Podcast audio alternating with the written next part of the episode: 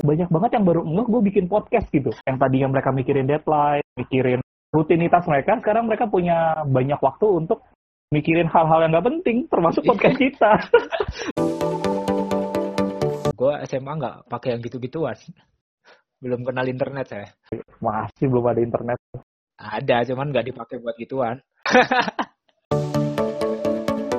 banyak banget chat-chat WhatsApp yang bilang gini kan, bos, besok work from home nggak? Karyawan yang belum mati tetap masuk kantor gitu kan. Terus ada juga Zarin video editan yang orang Korea itu dari film Oh iya, Crash iya, on iya, You. iya. Apa? Yang lari itu takut Iya, itu kan. iya. Mas, aku takut mas. Tetap disuruh kerja katanya. Bilang disuruh presiden katanya.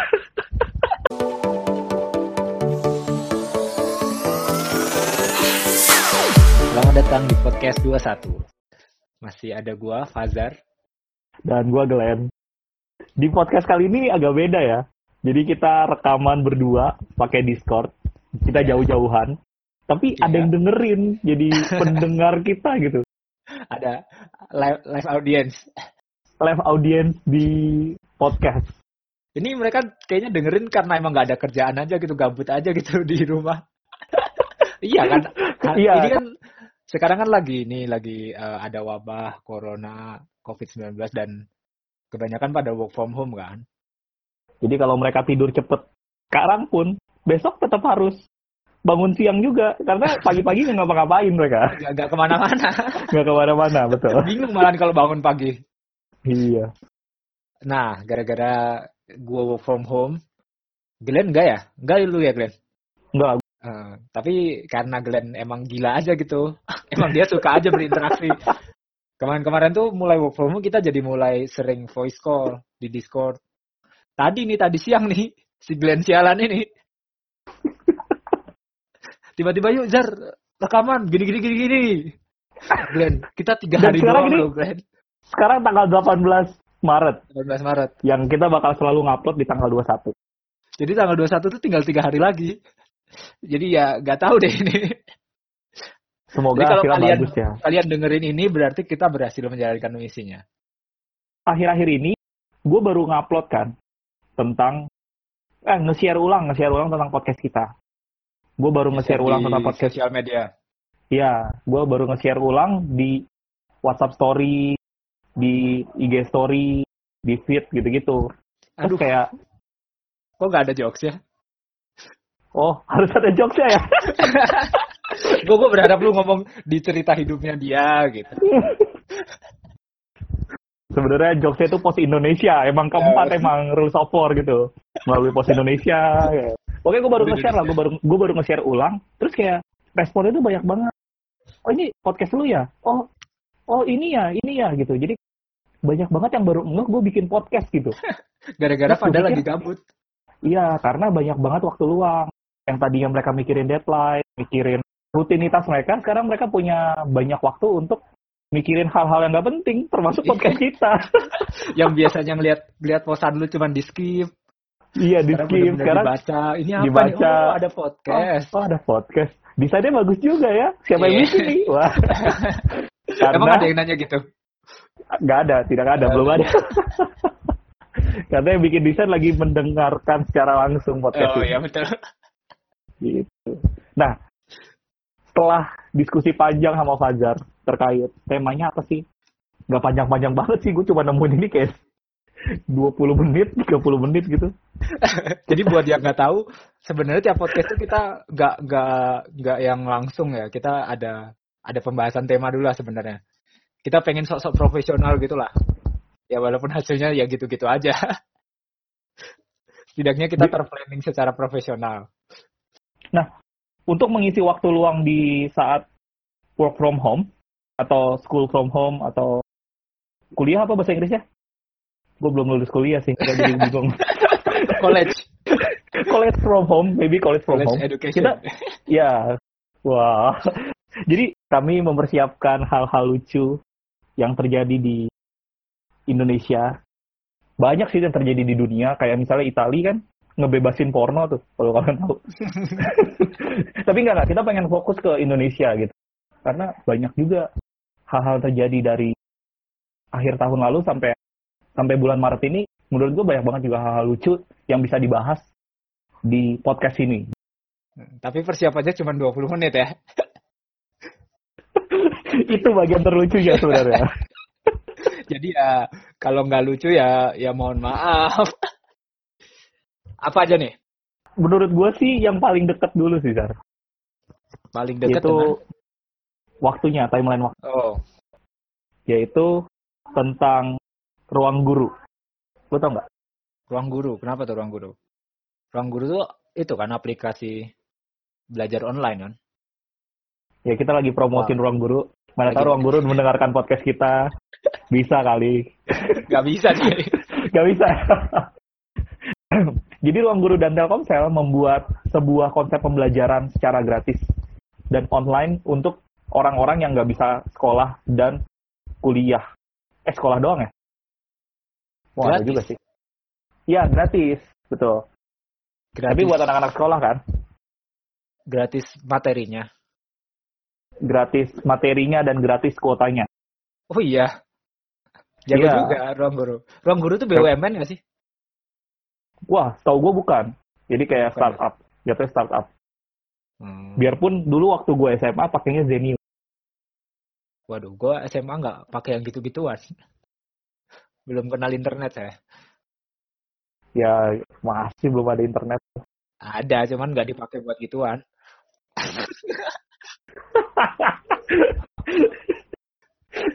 Lu pakai buat apa anjing? Gak tahu, gua lupa gua. Nah, lucunya, ya gue lucu sih. Ketika mereka dikasih gratis 30 GB dari Telkomsel untuk mengakses ruang guru, mereka menggunakan kuota itu atau mencari cara menggunakan kuota itu untuk hal-hal lainnya. Kayak untuk jadi main game, Oh iya ya, jadi kuota, kuota gratis sebenarnya cuma buat aplikasi ruang guru. buat aplikasi ruang guru doang. Tapi bisa di, tapi ada orang-orang yang bikin buat YouTube, buat Instagram, buat. Kalau misalnya mereka ngakses bokep, wah lebih lucu lagi tapi kan ini, tapi kan gratisnya di Italia doang. Kecuali mereka pakai VPN, VPN di Italia, udah tuh gratis tuh. gratis. Jadi gue mikir ya, kok mereka punya mental seburuk itu gitu. Gue ngobrol sama salah satu orang, dia bilang gini kan, mental Indonesia itu emang mental yang rusak aja gitu, yang yang korup. Jadi bukan karena lu punya uang lu eh, bakal melakukan kejahatan korupsi gitu. Korupsi kan istilahnya ngambil yang bukan bagiannya Iya. Eh, bener sih itu definisinya gue nggak tahu juga tapi orang Indonesia sebobrok itu sebenarnya ya gue nggak tahu sih anak-anak eh yang dengar podcast kita ini ada adik atau anak-anak yang masih SMA atau enggak? Bukannya nggak nggak ada yang dengerin.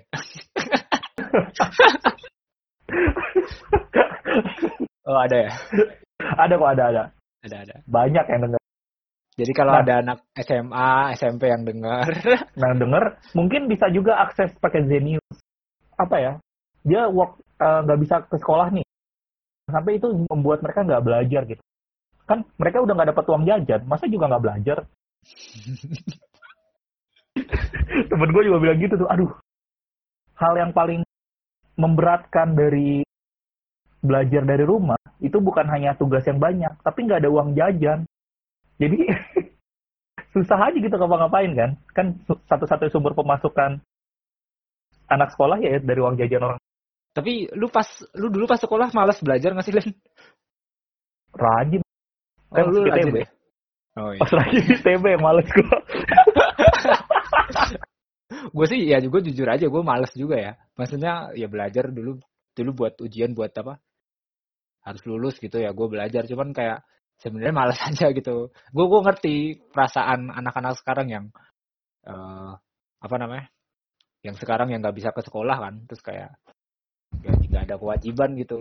Tapi percayalah ya kalau ada yang denger nih anak SMA khususnya eh di kuliah nanti kalian bakal berharap waktu lebih untuk bisa belajar.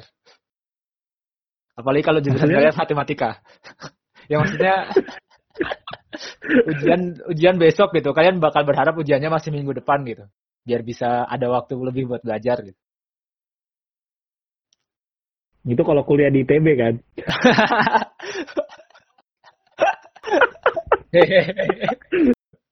Tapi ya maksudnya per- percayalah gitu waktu maksudnya waktu buat belajar tuh jangan dan sekarang mumpung banyak yang gratis gitu, jangan disia-siain lah. Ya betul betul. Gue gue inget betapa eh, menyenangkannya waktu gue SMA dulu. Bukan hanya karena pelajarannya gue kuasai, tapi gue punya banyak temen gitu yang bisa belajar bareng. Iya. Maksudnya ketika di kuliah nanti orang-orang itu cenderung egois. Mereka punya timeline waktu yang berbeda lah. Mungkin bukan egois, timeline waktu yang berbeda, SKS yang berbeda, eh, waktu praktikum yang berbeda. Jadi nggak bisa sama-sama. Waktu SMA dan SMP itu cenderungnya pasti sama terus, sama-sama gitu. Jadi itu harusnya dimaksimalkan untuk melakukan sebuah perjuangan yang bareng-bareng juga biar persahabatan makin diingat. Iya. Kalau bareng-bareng struggle di belajar, lo akan punya teman-teman yang jauh lebih panjang. Gue punya teman-teman yang kayak gitu. Dan dan zaman sekarang eh, apa media tuh gampang gitu loh daripada kuota kalian ditunjukin buat Instagram atau YouTube. Kalian pakai Discord lah atau atau apa pun lah sistem yang kalian menurut kalian mudah. Ini gue tadi nih, tadi gue denger di podcastnya Dokter Sela relatif perspektif. Ya maksudnya intinya tuh bikin sistem semudah mungkin gitu untuk eh, untuk yang sekarang nih kalian bisa tetap semangat gitu. Ya co- contohnya dia Zoom ya, dia pakai Zoom karena dia itu kan Har- Harvard kan. Oh, dia Hmm. undang orang Harvard itu di sana pakai Zoom katanya. Di sini ada Discord kalau dan ini gampang banget gitu. Kayak gua jadi Iya. work from home masih tetap bisa bikin podcast. Ya. Oke, gimana Glenn? Lanjutannya apa? Ada lagi nggak? Hasil research 20 menit kita ada lagi nggak Glenn? Ada, ada, ada. Yang lucu nih, lucu banget menurut gue. Semoga lucu ya. Kayak tayang tadi kayak kurang lucu. Penjual masker. Penjual masker. Wah, masker lagi langka tuh. Entah coy. Virus corona, COVID-19. Itu setelah COVID-18 coy. Gak lucu ya. gue kira pertama kali COVID-19 itu karena 2019 kok keluarga. Terus gue bilang, ih 2020 kok masih ada virusnya. gue kira udah kadar luar satu virus. nah, jadi Kasih, penjual masker dia dia dia apa namanya? Orang tuanya tuh efisien. Jadi biar Kenapa orang tuh? tahu gitu umurnya dia. Kasih aja apa tahun lahir di namanya gitu. Iya, jadi orang bakal inget. tapi tapi untung bukan nama gue ya. Nama gue jadi Fazar 95 kan gak bagus. Lucu. eh, Iwan 21. Wah, Eh. lahir tahun berapa tuh? 2021 berarti. Eh COVID-21 eh deh. Gimana tuh tadi gimana penjual masker? Oh iya, penjual masker, balik ke penjual masker. Nah, di, di luar negeri ya, kalau ngomongin masker, banyak orang-orang yang dengan sengaja malah memberi masker ke orang yang lebih miskin. Jadi kayak orang-orang kayanya gitu, eh, nyumbang masker secara jumlah besar untuk orang yang nggak mampu. Di Indonesia beda, orang-orang itu malah ada beberapa oknum lah. Orang-orang itu beli masker dengan jumlah banyak, lalu ditimbun dan dijual yang lebih mahal. Dan harga pas lagi ngejualnya itu bisa tiga kali lipat, empat kali lipat. Ada yang 300 ribu, 500 ribu, sejuta, 5 juta bahkan gue pernah lihat sendiri gitu di online shop mereka jualan. Separah itu, salah satu orang yang ketangkep oleh polisi itu seorang mahasiswa atau mahasiswi gitu. Dia ket- ketangkep nimbun masker di tempatnya. Dan dia bilang masker itu dia jualan online gitu untuk eh, bayar kuliah. Yang jadi masalahnya dia ketangkepnya di apartemen. Jadi gua nggak tahu sih dia kuliah di mana. Jahat ya. ya gua gua nggak bisa ngomong jahat dan baik sih kan kita tidak lagi membahas agama Oh iya. Nah, menurut gua oportunis. Kayak ya kayak gua sih. Sebenarnya yang dia lakukan itu eh, baik boleh dilakukan, tapi tidak yang nggak yang salah adalah timingnya. Kemarin gue baca juga katanya di Amerika juga ada eh di jualannya di Amazon gitu atau eBay gitu. Terus akun dia di itu, akun dia di apa? Di suspend sama Amazon atau eBay-nya. Jadi dia nggak bisa Hmm. jualan. Iya, jadi dia punya, gue nggak nemu lagi beritanya, gue lupa. Ada orang Amerika. Harusnya kebijakan yang sama dilakukan oleh Tokopedia, Bukalapak, dan Shopee kali ya. Nah itu itu mungkin salah satu peran e-commerce e-commerce sekarang nih kan pada kan pada work from home tuh. di rumah banyak eh daripada gabut kan cari aja fraud fraud nyarinya lebih gitu. Gue nggak tahu sih gue nggak kerja di e-commerce. Ya, Fraud maksudnya? ya kayak gitu kan ya itu bukan fraud ya dia dia cuma naikin harga doang ya.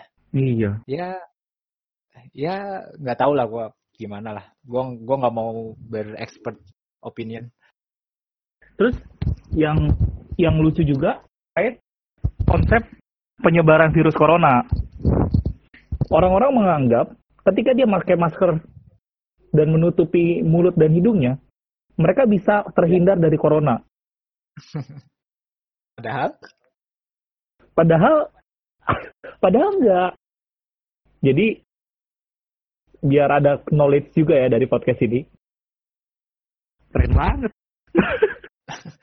terus buat apa pakai masker? Masker itu digunakan yang sakit biar cairan dari batuknya, bersinnya, ludahnya, muntahnya ya, semua dong cairan kan. muntah lo bayangin muntah itu gitu kan. Lucu aja. Iya ya, tapi buat kasus eh, COVID-19 ini tuh sebenarnya masker tuh salah satu buat jadi gini kan ada kan beberapa orang yang udah udah ada udah punya virus kan udah bawa virus tapi mereka nggak kelihatan sakit kan. Mm-mm. Nah buat itu sebenarnya jadi kalau anda ini udah punya virus di dalam Oh, tapi anda belum sakit, iya jadi anda bisa mencegah setidaknya mencegah orang di sekitar Anda sakit. ada- Iya, Iya benar. eh, itu ya itulah menjaga kalau lu lu itu carrier gitu. Iya, tapi itu poinnya adalah virusnya. bukan menjaga biar Anda nggak sakit. Bener dong? Karena Iya. masih banyak. Menja- buat menjaga sekitar. Kalau dari lu sendiri, Zar, ada yang lucu nggak? Nah, Atau dari gua doang ini yang lucunya? Nggak ada yang lucu lu dari lu. ya kan gue berusaha juga dong. Oh, kan iya, kita bener. cuma 20 menit tadi. Iya betul. Ini sih sebenarnya tentang walaupun gue nggak terlalu berefek buat gue ya tentang kebijakan kebijakan trans- pembatasan transportasi Senin kemarin. Senin kemarin berarti iya kan? Senin kemarin berarti tanggal 16. Lu lu pasti kerasa banget tuh. Iya, gua kerasa banget gua itu. gimana gimana? Gini loh, maksudnya maksudnya gini loh bapak-bapak. Bapak-bapak. Gue tuh sebel banget ya lihat video yang upload Pemprov DKI kata kata berita ya. Tapi gue cari videonya udah nggak ada. Dia tuh bilang di rapat kalau ini tuh untuk memberikan efek kejut buat Jakarta. untuk memberitahu iya, untuk memberitahu warga Jakarta bahwa ini bukan fenomena WhatsApp yang jauh di sana. Ini nyata di depan mata. Maksudnya Maksudnya apa? Maksudnya kalau misal kalau misal mau membudayakan April Mop di Indonesia, ini belum April gitu loh. Apa gitu tujuan kejutan gitu ya? Oh, Iya. menurut gua sih dia emang lagi pengen bikin YouTube aja. Cie kena prank gitu.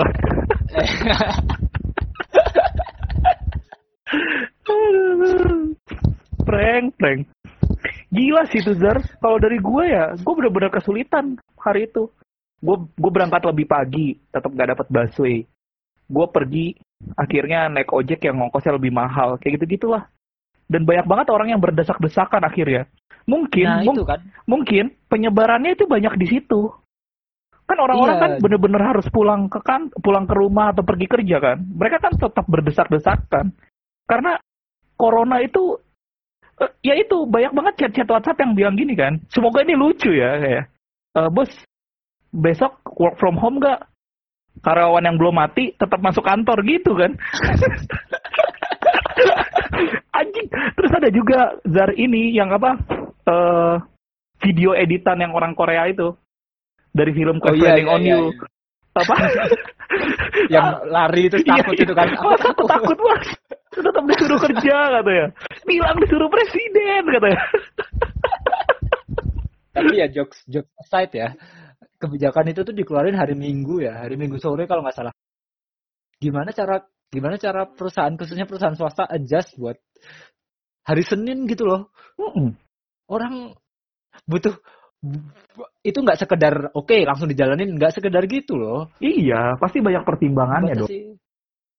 Tapi akhirnya lu kan work from home dong sekarang. Iya. Dan gua Maksudnya, enggak gitu.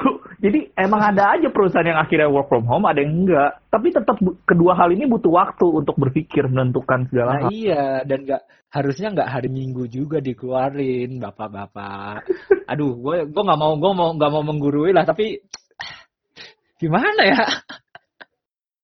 gue juga kalau jadi lu yang tiap hari naik busway pasti kesel batu. Gue Iya. udah wah gue nggak akan masuk lah. Terus besoknya hari Selasa kemarin tuh jumlah bakso dikasih dua kali lipat. Anjing, maksudnya gimana iya kan ya? jadi Gim- April Mop ini Iya, prank. mereka bikin bakso dua kali lipat, Jar. Artinya itu gue bisa duduk, bisa selonjoran kali itu. Saking saking leganya itu bakso. Lah kok, kok kok bisa gitu? Kok kok bisa sih didobelin? Gue gak ngerti sih, Jar. Maksudnya double dari biasanya atau double dari hari Senin? Double dari hari biasanya. Oh, berarti sebenarnya mampu ya ngedouble-double bis gitu. Bisa dong, tapi kan ngomongin efisiensi ini, Oh iya, biar, biasanya biar itu ya, biar Iya. apa namanya, ya biar efisien. kan ada ya. keuntungan dan eh, banyak hal lah Iya, iya. Tapi ini dua kali lipat biar jaga jarak. Ini kebijakannya lebih logis. Biarpun eh, menurut gua sih terlalu ini ya.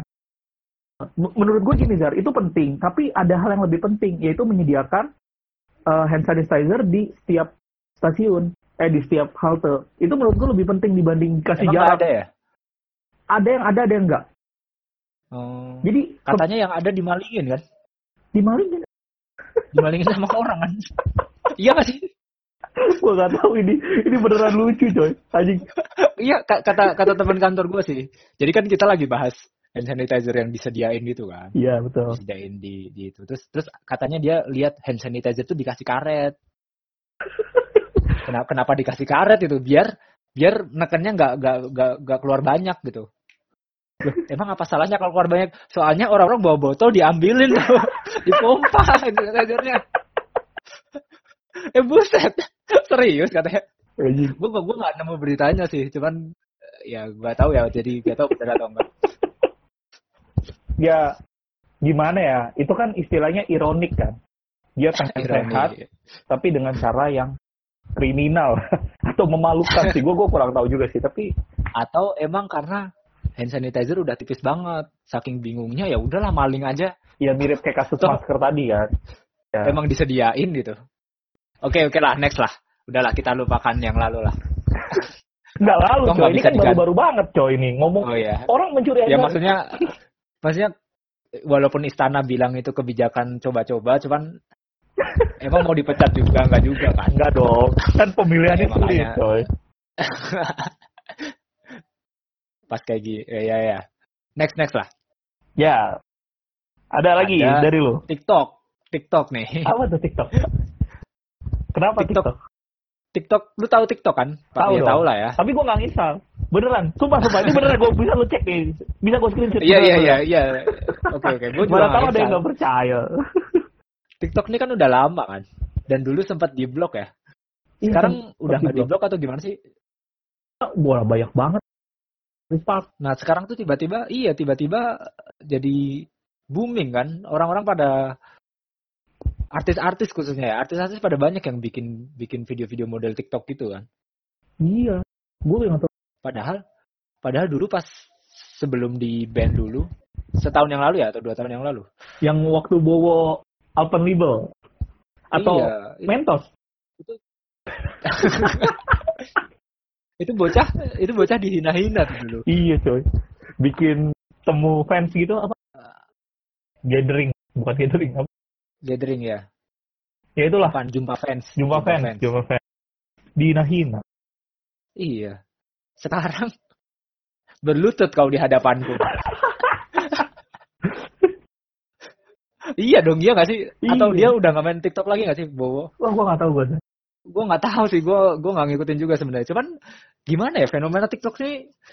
Mungkin emang itu ya, TikToknya sendiri eh, improve ya, Mm-mm. udah berubah, nggak kayak dulu. Dulu tuh di di band kenapa sih alasannya?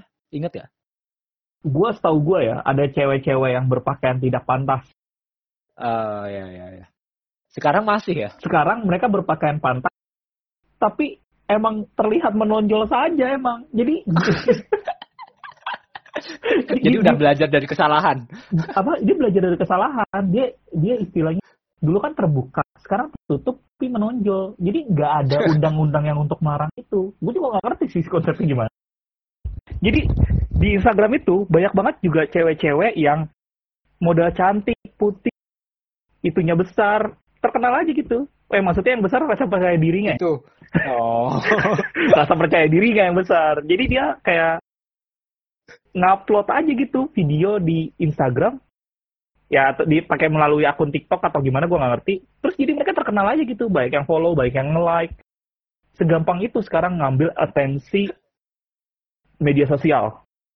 Ya gua sih termasuk yang nge-like ya gua nggak bohong. Tapi gua nggak follow. Tapi ya ngomong-ngomong soal tadi apa namanya? Pakaian-pakaian sopan nih ada ada satu hal nih. apa tuh? Ada satu kejadian juga kemarin. Tara Basro. Tahu dong, tahu Tara Basro yang main di Gundala. Jadi dia kan kemarin itu kan upload di Instagram ya, di Twitter juga. Iya. Gue gue sempat lihat di Twitter. Untuk mencintai itu kan dan mengapresiasi diri sendiri dengan segala kelebihan dan kekurangan kan. kelebihannya dia agak buncit dikit kan Tapi dia nge-post itu pakai foto dia yang telanjang ya nggak sih? Atau Tapi- nggak telanjang tuh pakai baju pakai baju coklat aja tuh gue nggak nggak ngerti sih. Nya telanjang Gua sih, tapi terlalu- semua ketutupan. mengamati. Oh ya. Kalau gue, gue zoom memang gue zoom. Nah terus dikasusin kan? Iya nggak sih? Iya dikasih Lanjutannya gimana sih tuh kasus? di ditentang oleh Kominfo. Setahu gue ditentang oleh Kominfo, terus akhirnya Oh, muncullah dua dua kubu. Ada yang setuju Kominfo, ada yang setuju sama Tara Basro. Poinnya adalah tapi poin eh postnya udah di take down ya? udah di take down, langsung di take down. Udah di remove. Iya. Oh. Yang maksudnya kalau banyak orang yang nggak tahu, gue gue kasih tahu juga nih ya. Eh, Tara Basro itu nggak ngepost di situ doang. Tara Basro itu ngepost di itu yang di take down di Twitter. Di Twitter dan di Oh. Instagram. Di Instagram juga dia ngepost, tapi dia ada yang pakai baju. Di Twitter yang benar-benar polosan. Eh, Terus keduanya bilang, keduanya mau bilang bahwa eh, cintailah dirimu sendiri, kayak konsep film Imperfect lah dari Ernest Prakasa dan Meira. Tapi eh, cara penyampaiannya doang yang kayak terlalu ekstrim menurut gua. Jadi dia punya maksud yang baik dengan cara yang salah, akhirnya jadi eh, istilahnya polemik. Bener gak sih itu istilah polemik? Jadi ada perdebatan. Iya, padahal pesannya bagus loh. Gue menyayangkan sih kayak ngapain sih harus kayak gitu juga maksudnya apakah agar agar viral gitu. Iya. Betul. Seni. ada ada poin salahnya sih. Tapi pihak Kominfo harusnya juga lebih fair. Banyak juga eh, akun-akun yang memasang foto-foto yang lebih seksi. Ya bener yang tadi tuh. Fotonya itu nggak nggak nggak nggak ya pakai pakaian gitu, tapi lebih menge- meng- mengundang rasa pengen ngezoom aja gitu. Lu doang kali itu. ya saya laki-laki normal ya. Maksudnya kalau misalnya BTS saya zoom mah baru saya. Tapi gitu poinnya. Setiap hal setiap karya setiap eh, ciptaan itu punya message disampaikan oleh si pembuat karyanya. Si pemilik eh, sesuatu itu dan message-nya tuh bagus banget kali ini yaitu tentang penerimaan diri karena banyak orang yang akhirnya berusaha melakukan banyak hal nge-gym atau apa pun bukan untuk dirinya sendiri tapi untuk menyenangkan orang lain. Gimana kalau dia mencintai dirinya sendiri dulu baru akhirnya melakukan yang terbaik buat dirinya bukan buat orang lain gitu. Nah, ini yang pengen disampaikan Tara Basro gitu. Dia dia punya Oke. perut buncit, dia punya kulit hitam, dia punya rambut panjang. Apa, apa rambut panjang ya enggak ada ya? kan harus lucu Nggak- nggak kan zoom. kan Nggak lu zoom Enggak rambutnya dong, ya. tidak mungkin saya zoom rambutnya sama-sama aja. Kan harus lucu tapi kan? gini tapi gini gue gue bukan ya gue bukan influencer ya gue Iya. gue nggak mau menggurui tapi tapi gini eh, kalau lu tahu pemainnya OG ada Sebastian Sep kan ke- sebelum TI 9 pernah kena kasus kan oh buat yang nggak ngerti Dota jadi main dia pemain pro pemain pro profesional gamers Dota. Ya pemain pro kan juga main, kadang main di public itu kan di server public kan main sama orang kan. Nah terus kayak dia eh eh, gimana ya gua ngomongnya chatting dengan bahasa yang ya bahasa gamer lah sebenarnya lah. Bahasa yang ofensif menurut beberapa orang. Cuman kan ya biasa aja kan Eh, ya kayak kayak bocah-bocah di warnet aja gitu kan. Pakai kata-kata kasar gitu kan. Ya nggak biasa sih itu ya.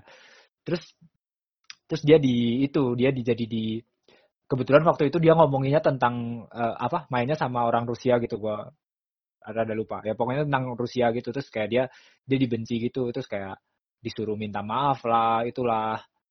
Terus terus bener dong akhirnya eh, agak lama cuman sebulanan gitu dia akhirnya ngeluarin statement statement minta maaf. Dan si Oji bilangnya eh, gaj- gajinya dipotong selama dua bulan atau gimana gitu.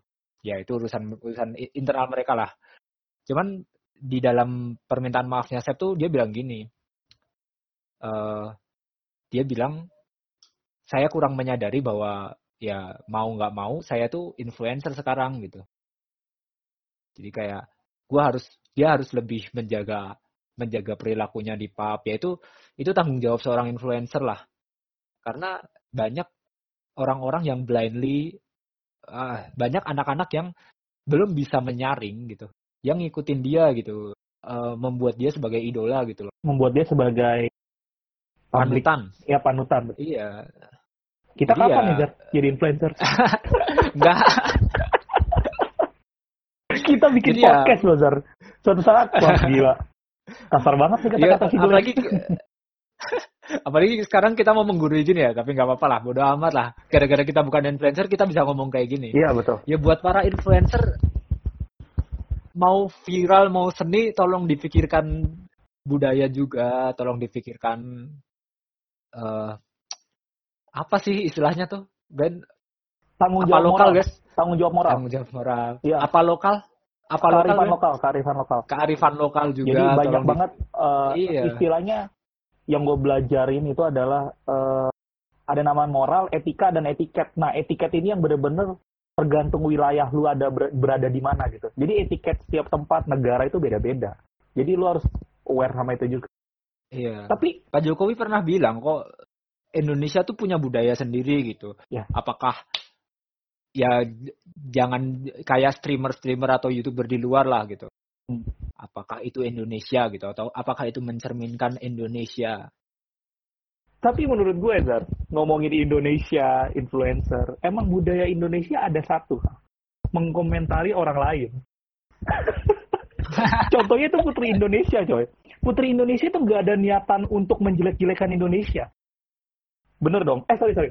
Gue kasih tahu case dulu ya. Putri Indonesia yang nggak hafal Pancasila. Oh, itu calon kali, calon Oh, Putri calon, Indonesia. calon ya, calon Putri Indonesia. Dia salah satu kandidat, udah berapa bel- belas besar gitu.